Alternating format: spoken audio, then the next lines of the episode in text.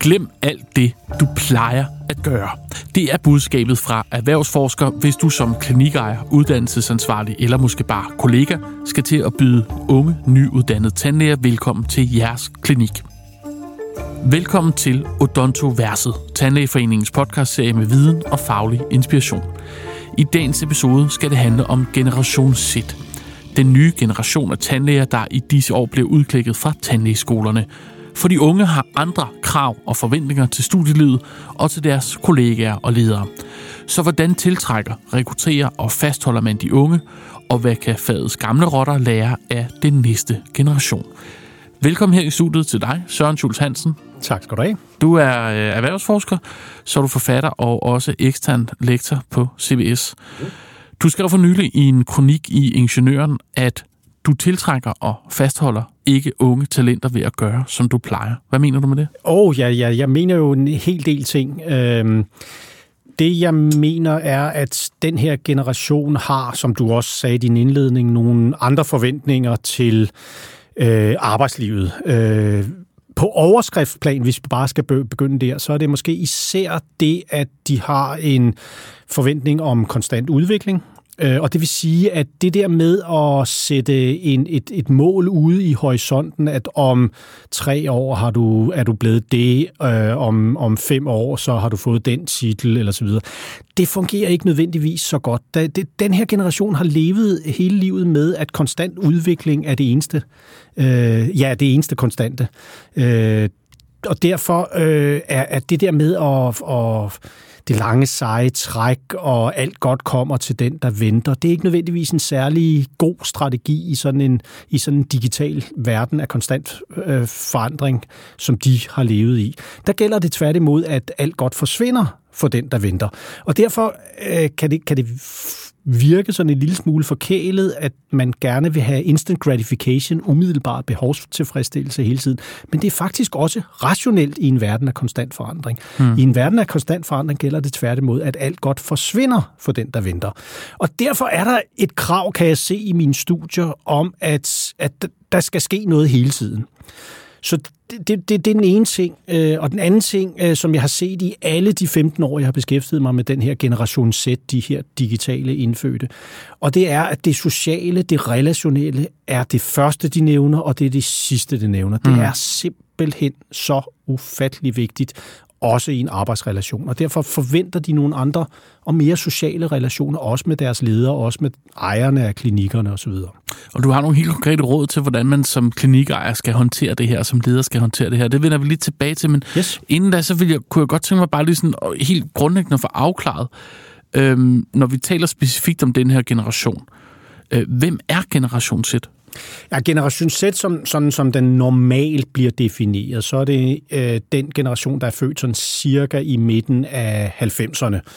Øh, og øh, de digitale indfødte, som jeg definerer dem, er, er næsten det samme. Jeg definerer dem bare lidt på en anden måde, nemlig som den generation, der har levet hele livet med det moderne internet, med mm. mobiltelefonen i lommen og har været unge med, sammen med de sociale medier. Så det er sådan den, den måde, de bliver defineret på.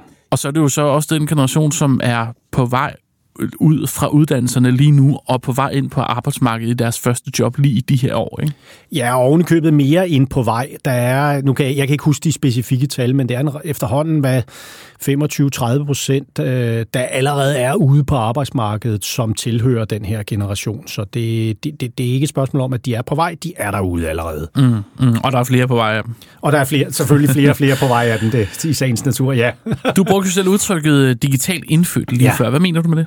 Ja, men som sagt, øh, som, som ligger i ordet, øh, at, at det er nogle folk, der ikke har levet i en verden uden det digitale. Altså, hvor de bogstaveligt talt har, har, har livslang erfaring med nu nævnte jeg de der tre, altså det moderne internet i den version, vi kender det i dag med de med grafiske brugergrænseflader, World Wide Web osv. osv. Øh, så er det også øh, dem, der, der har levet bogstaveligt talt hele livet med, at mobiltelefonen er noget, vi går rundt med i lommen, og senere smartphonen selvfølgelig også, fordi smartphonen er jo, er jo senere end, end, end midten af 90'erne, men mobiltelefonen som noget, vi går rundt med i lommen øh, alle sammen. Og så som sagt, øh, det er meget vigtigt det her med, at, at det er den første generation, som har været unge øh, øh, hvad hedder det, på de sociale medier, øh, som ikke, jeg, jeg, har, jeg, jeg bruger jo også de sociale medier, men jeg var bare, jeg, jeg er så gammel, så jeg nåede jo altså at, at, at være over min ungdom, før mm. de sociale medier kom. Men den her generation har dannet sig som mennesker på de sociale medier og sammen på de sociale medier. Du siger, at øh, noget af det, der kendetegner den her generation, det er de flyvske og de kritiske. Prøv at forklare det. Ja, flyvske, altså forstået på den måde, at det, altså, man, man kan nok ikke forvente, skal nok ikke forvente, at den her generation, ligegyldigt hvad vi gør, ligegyldigt om man, man gør lige præcis, hvad de gerne vil, og det er der ingen, der siger, at man nødvendigvis skal, men lad os bare forestille os, at man gjorde lige præcis, hvad de gerne vil. Det her bliver jo ikke en generation, som bliver 25 år i samme job. Nej. Øhm, bare for at give dig et eksempel, så, så i, i, i nogle af mine studier havde jeg en, som, og nu citerer jeg bare efter hukommelsen, jeg håber aldrig, jeg får drømmejobbet, sagde hun. og det lyder jo mærkeligt, øh, og, og er også mærkeligt, men det hun mente var, at drømmejobbet er altid det næste. Fordi det at have et job, og, og hvad skal man sige, øh, synke ned i et job og blive i et job, det er næsten per definition utrygt. Fordi det hele, der skal hele tiden noget udvikling. Det er hele tiden det næste, der afgør, om man er tryg. Den konstante udvikling, både fagligt og egentlig også personligt. Og derfor det var det, hun mente, da hun sagde, at hun aldrig håbede, hun fik drømmejobbet, fordi det ligesom siger, at der er et drømmejob, og det er der bare ikke. Drømmejobbet er i princippet altid det næste. Men er det ikke også bare et udtryk for, øh, at man er ung? At man betragter det sådan? Hvad, ville vi andre ikke også have sagt det, da vi var 20 og blev spurgt? Det tror jeg helt bestemt. Øh, og der er du faktisk øh, sætter fingeren på noget, der er virkelig, virkelig interessant. Fordi den forskel, der er på i hvert fald mig og, og, og ældre generationer, og så den her generation, det er, at det, jeg ser i mine studier, er, at det er ligesom om, at de vilkår, de dynamikker, der er i den verden, vi alle sammen lever i, i den her digitale verden, har i virkeligheden en ungdommelig logik eller en ungdommelig dynamik. Og det er den store forskel.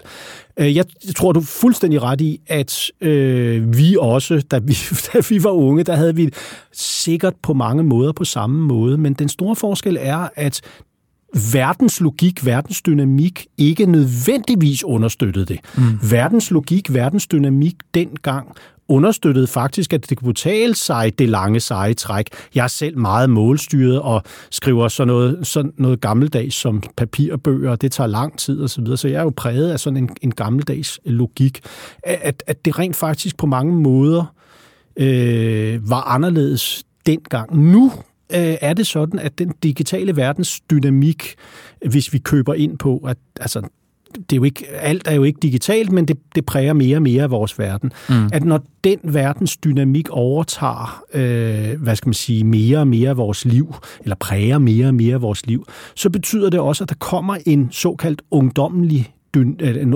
ungdommelig øh, logik i, i verden, som understøtter den der flyvskhed, som understøtter det der med, at alt godt forsvinder for den, der venter. Mm. Og det tror jeg er den store forskel, fordi jeg tror, du har fuldstændig ret i, at unge selvfølgelig altid har ville skulle videre og var mere flyvske og var, var, var ufærdige som mennesker osv. Det har de altid været. I, al, i hvert fald alt den tid, man, man ligesom tænkte og talte om, om unge mennesker. Den store forskel er, at det er ligesom om, at den, den moderne verdensdynamik understøtter den ungdommelighed. Lad os prøve at grave os lidt ned i det. Ja. Øhm, hvordan man så som arbejdsgiverchef eller kollega skal håndtere, øh, når der kommer nye unge tandlæger, med mm. andre forventninger og også andre krav til arbejdspladsen. Øhm, og det dykker vi lidt ned i. Du har nemlig udviklet fem sådan meget specifikke, konkrete råd øh, i forbindelse med, at du lavede et øh, projekt sammen med Danica Pension til ledere, som vi skal prøve at gennemgå. Yes. Øhm, og det første, du siger, det er, lav specifikke planer for social onboarding. Når man taler onboarding, og i det hele taget taler altså velkomst øh, øh, planer for, for, for nye medarbejdere, så er der måske altså, med god grund fokus på det faglige. Ikke? Man, mm. skal, man skal møde de forskellige afdelinger osv. osv. Men hvis man skal tage de unges ord for gode varer, så, så det aller, aller, aller vigtigste er simpelthen den sociale. Og derfor synes jeg faktisk, man skal gøre sig nogle tanker, eller ikke, altså, er det helt afgørende at gøre sig nogle tanker om, hvordan er det, vi får, får det sociale element, hvordan får vi den her person integreret socialt, så vel som fagligt, og hvis man det er lige før, hvis man sætter det på spidsen og skulle vælge mellem de to, så var det faktisk vigtigere at, at onboarde dem socialt, end at onboarde dem fagligt. Men, men det, det kan vel også godt være i virkeligheden ikke kun et krav for den unge, men også noget, vi skal hjælpe vores nye unge kollegaer med at forstå, fordi det vi i hvert fald kan se, der er, når mange unge tandlæger kommer ud, så har man et, et enormt stort fokus på at levere fagligt. Øhm, og i virkeligheden så er din pointe vel også, at man skal også have et stort fokus på ikke at, at levere socialt, men at fungere socialt. Ja, altså og, og hvad skal man sige... Øh imødekomme nogle af de forventninger, der er for, at, at jamen, arbejdsplads er jo et sted, hvor man er. Altså, det er den aktivitet i livet, bortset fra måske at sove. Det er den enkelte aktivitet, mm. man bruger flest timer på. Og derfor, og nu citerer jeg også efter hukommelsen, øh, når jeg bruger så meget tid på arbejdet, så skal det kunne en masse ting. Fordi de folk, jeg er sammen med på arbejdet, er jeg mere sammen med end min nærmeste familie. Mm. Altså tidsmæssigt, og derfor skal det kunne nogle ting socialt også. Øh, en, en konkret øh, ting, du snakker om i forhold til, til det relationelle, til, øh, til det sociale aspekt på arbejdspladsen, det øh, kan vi komme tilbage på her nu i, i råd nummer to, du kommer med, som er nemlig at lave en bodyordning. Ja, og det er jo direkte øh, i forbindelse med, med, eller i forlængelse af det første råd, netop at, at have fokus på. Man, man, man har tit en, en, en, en lidt, lidt ældre, eller i hvert fald en, der har lidt større ancienitet, som, som fungerer som en eller anden form for mentor, og det er en rigtig god idé. Øh, I hvert fald på, på, på større arbejdspladser vil jeg anbefale, at man også har, simpelthen tilknytter som et led i første råd, netop det der med at fokusere mere på det sociale, at man også har altså, formaliseret næsten, at, at der er en, der tager, tager øh, en nyresat i, i hånden, også socialt.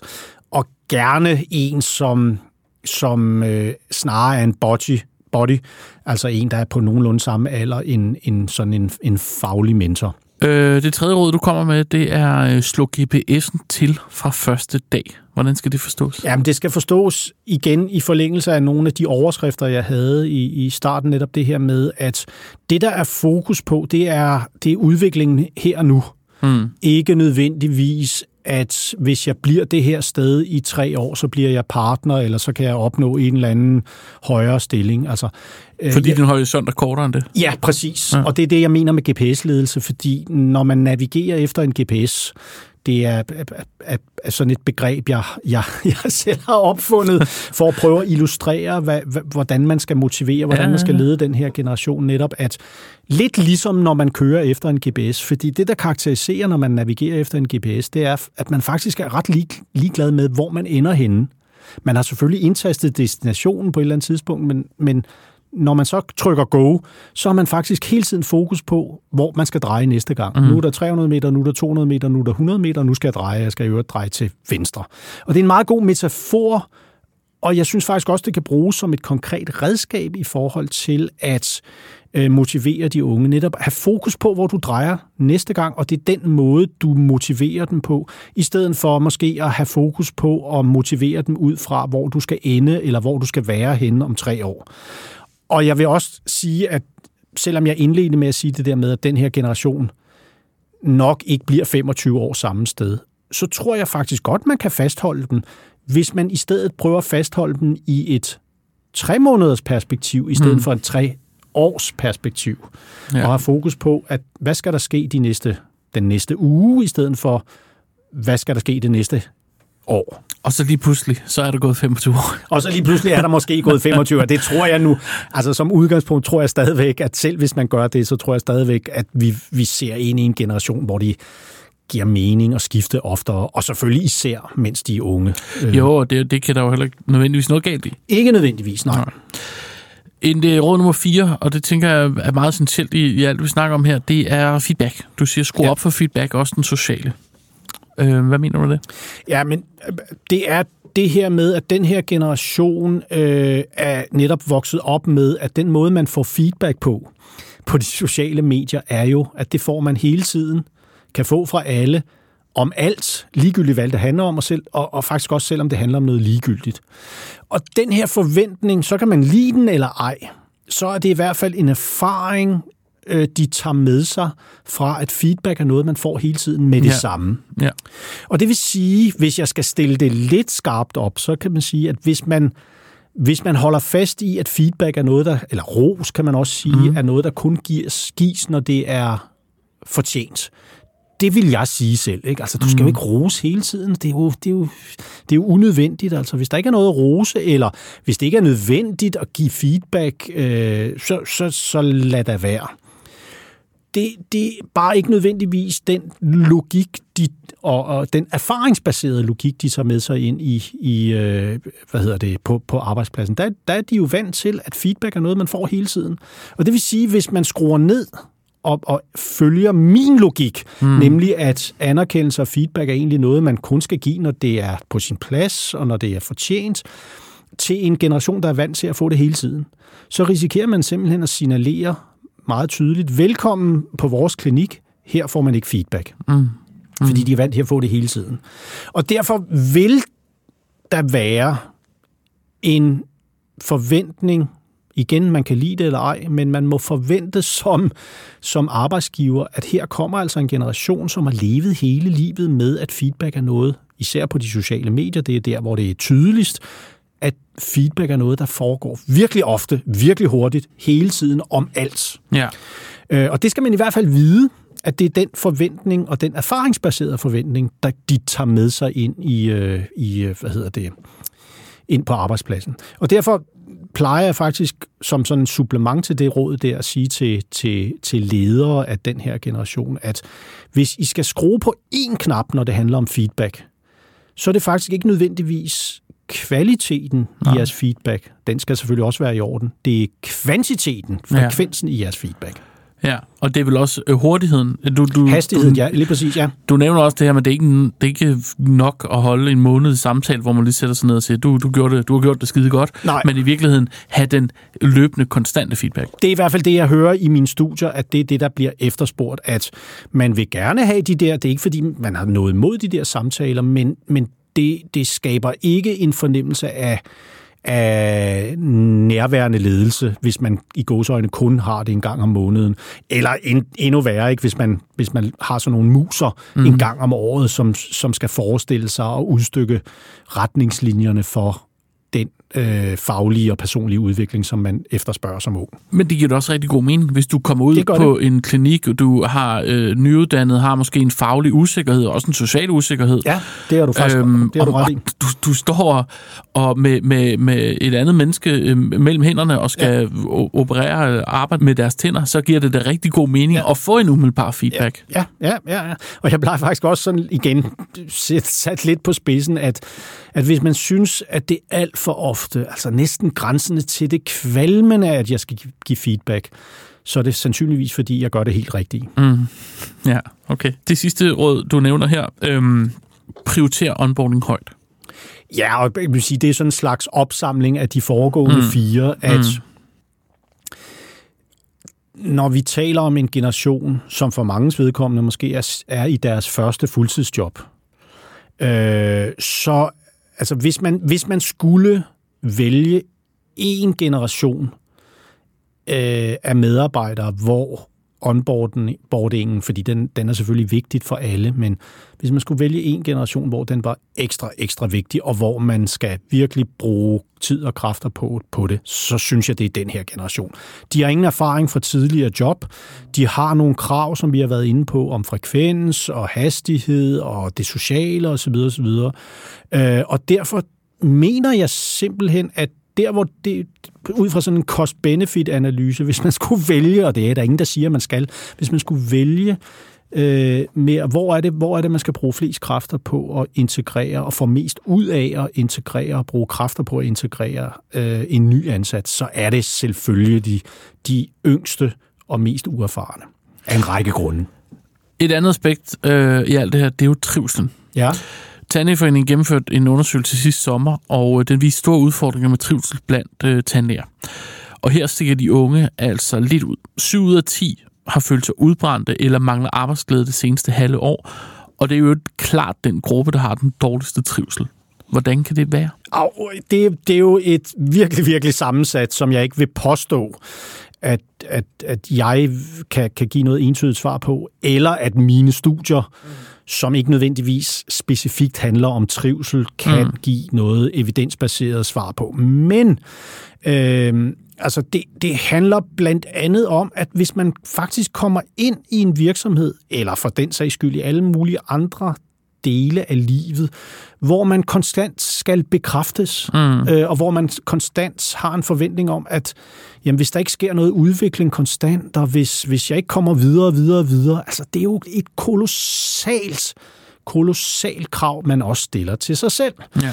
Og hvis man punkt et ikke føler, at, at man selv kan leve op til de krav, og punkt to heller ikke føler, at man, hvis vi taler om klinikker og arbejdspladser, er et sted, hvor, øh, hvor øh, ja, man oplever, at man, man får efterkommet de her krav, og at man har en måske lidt urealistisk opfattelse af, hvor meget man skal øh, nå i løbet af kort tid, så, så, så har det meget, meget hurtigt i virkeligheden en, eller kan det betyde en eller anden opfattelse af mistrivsel, at jeg, jamen, jeg lykkes ikke. Det mm. lykkes ikke for mig, fordi mm. der er, det er meget, meget hurtigt, at man både i forhold til sine egne forventninger og i forhold til de forventninger, man føler, at, at øh, hele det sociale netværk og hele, altså de, de, de, de, øh, de billeder, man ser af andre kollegaer, der sandsynligvis poster, at Nå, nu, øh, nu er jeg nået så langt ja. på min arbejdsplads.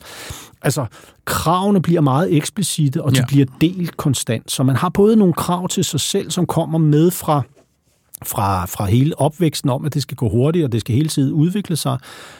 Og samtidig, hvis, hvis arbejdsgiverne så måske ikke er helt ops på, at man også skal forsøge at kommunikere de her og imødekomme på en eller anden måde de her krav her, så, så tror jeg, der er så er lunden kort i forhold ja. til, at man føler sig øh, altså, utilstrækkelige og mistrives en lille smule. Men, men det er jo kun et aspekt af ja. rigtig, rigtig mange aspekter i det her mistrivsel, det her godt understrege. Helt klart, men ja. det viser vel, at der er et potentiale som arbejdsgiver for, at man rent faktisk kan gå ind og gøre nogle ting, som kan øge trivselen, som dermed kan øge fastholdelsen, som kan gøre det nemmere at rekruttere osv., fordi vi også ved, at det går vi jo alle sammen op i, at vi gerne vil arbejde et sted, hvor at øh, arbejdsmiljøet fungerer. Ja, det, hvor det giver mening. Og, og hvor det giver mening. Ja, og der, der, der vil jeg ovenikøbet måske sige, at den her generation, altså igen lidt i forlængelse af det, vi allerede har, mm. øh, har, har været inde på, at, at, at, altså, at det, man laver, øh, også professionelt, altså, altså nærmest for endnu større betydning, ja. og at, at arbejdsgiverne faktisk positivt set kan få en rolle i at være med til måske at, at forhindre, eller i hvert fald nedsætte den her risiko for, for mistrivsel. Ja. Fordi arbejdet har så stor en betydning øh, i, i vores allesammens liv, og ikke mindst i den her generation af, af, af generation Z af digitale indfødtes liv.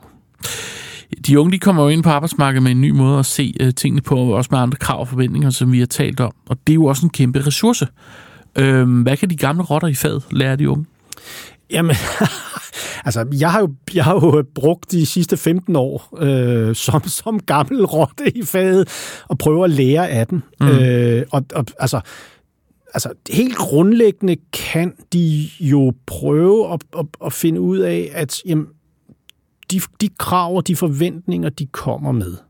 Igen, med alle de der forbehold, at man skal ikke bare en til en gøre, som de siger, men, men man kan i hvert fald få en bedre forståelse af, jamen, hvor kommer de krav fra? Mm. Fordi det er jo sådan helt min, min grundlæggende tese, og der, grunden til, at jeg har beskæftiget mig med det her de sidste 15 år, det er netop det der med, at deres krav og deres adfærd og deres opfattelser af tingene også bunder i eller kommer fra de vilkår, de har levet under hele livet.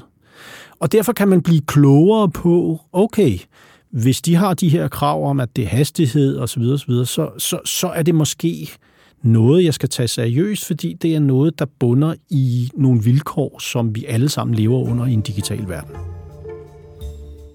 Det var, hvad øh, vi valgte at bringe i denne måneds udgave af Odontoverset. Tak til dagens gæst, Søren Schultz Hansen, erhvervsforsker, forfatter og ekstern lektor på CBS.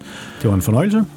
Fremover så udkommer vi den første mandag i hver måned. Du kan abonnere på kanalen i Apple Podcast, i Spotify eller hvor du ellers lytter til podcast. Og podcasten den er udgivet af Tandeforeningen og tilrettelagt og produceret af Kontekst og Lyd. Mit navn er Magnus Krabbe. Tak fordi du lyttede med.